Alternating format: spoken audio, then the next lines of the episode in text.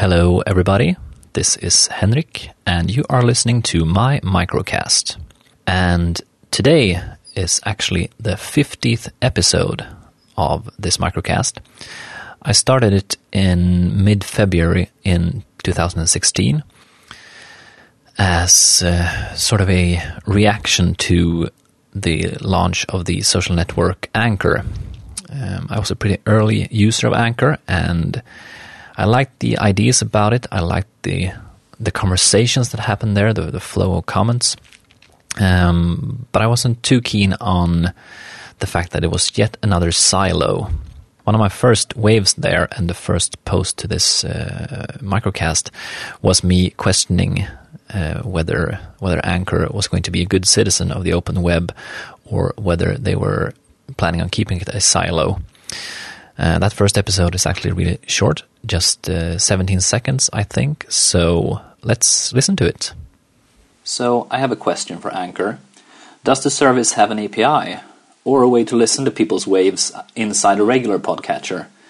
Do you intend for Anchor to play nice with the open web, or is this just another silo that wants to usurp the web? Yeah, and that was that. Um, I kept using Anchor for a while, but uh, there were never any real signs of it actually becoming more open. But uh, to not lock my content there too much, I manually cross posted things like I did with uh, the audio track you just listened to.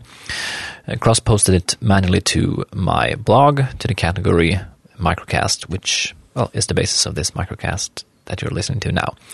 And as I said, this is the 50th episode. Yay!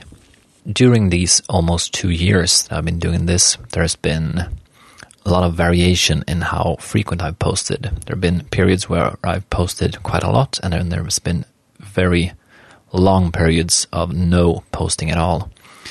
And right now I am just starting it up again because this weekend I listened to a few episodes that I've missed from Manton Reese's microcast timetable. And through that, I also found Aaron Parecki's recently launched microcast Percolator. And finally, I listened back to a few of my old episodes, and they were better than I thought they were, would be, and more interesting than I actually thought they had been. So I felt inspired to start doing this again more frequently. So today I wanted to talk a bit more about uh, tracking of my reading. Same thing as I spoke about yesterday. I've looked into the Goodreads API and it seems like it's fairly straightforward to export a list of all the books that I've read and also the time and date of the progress in those books. Because that's something that I would like to export and have under my own control. I would also like to build some sort of system that replaces Goodreads as the tracker of my reading, but uh, that's not the, my first priority right now. Instead, as a stopgap solution, I've used the RSS feed that Goodreads provides, which is a, a, nice feature, by the way. I've used that to feed an if this then that recipe that then um, spits out my progress as posts on my microblog, which will then syndicate to Twitter, to micro.blog, and so on. Um, from what I could tell on the IndieWeb website, there are a few people that tracks their reading on their sites, but there's no real cohesive effort on creating the necessary formats and uh, standards for this. So I think this is a, an experimental phase for everybody, and I think I should uh, should add my uh, my own things to the mix. But for now, I'll cross post using the RSS feed as I just mentioned, and I'll keep track of things on Goodreads. Anyway, I think that's it for today.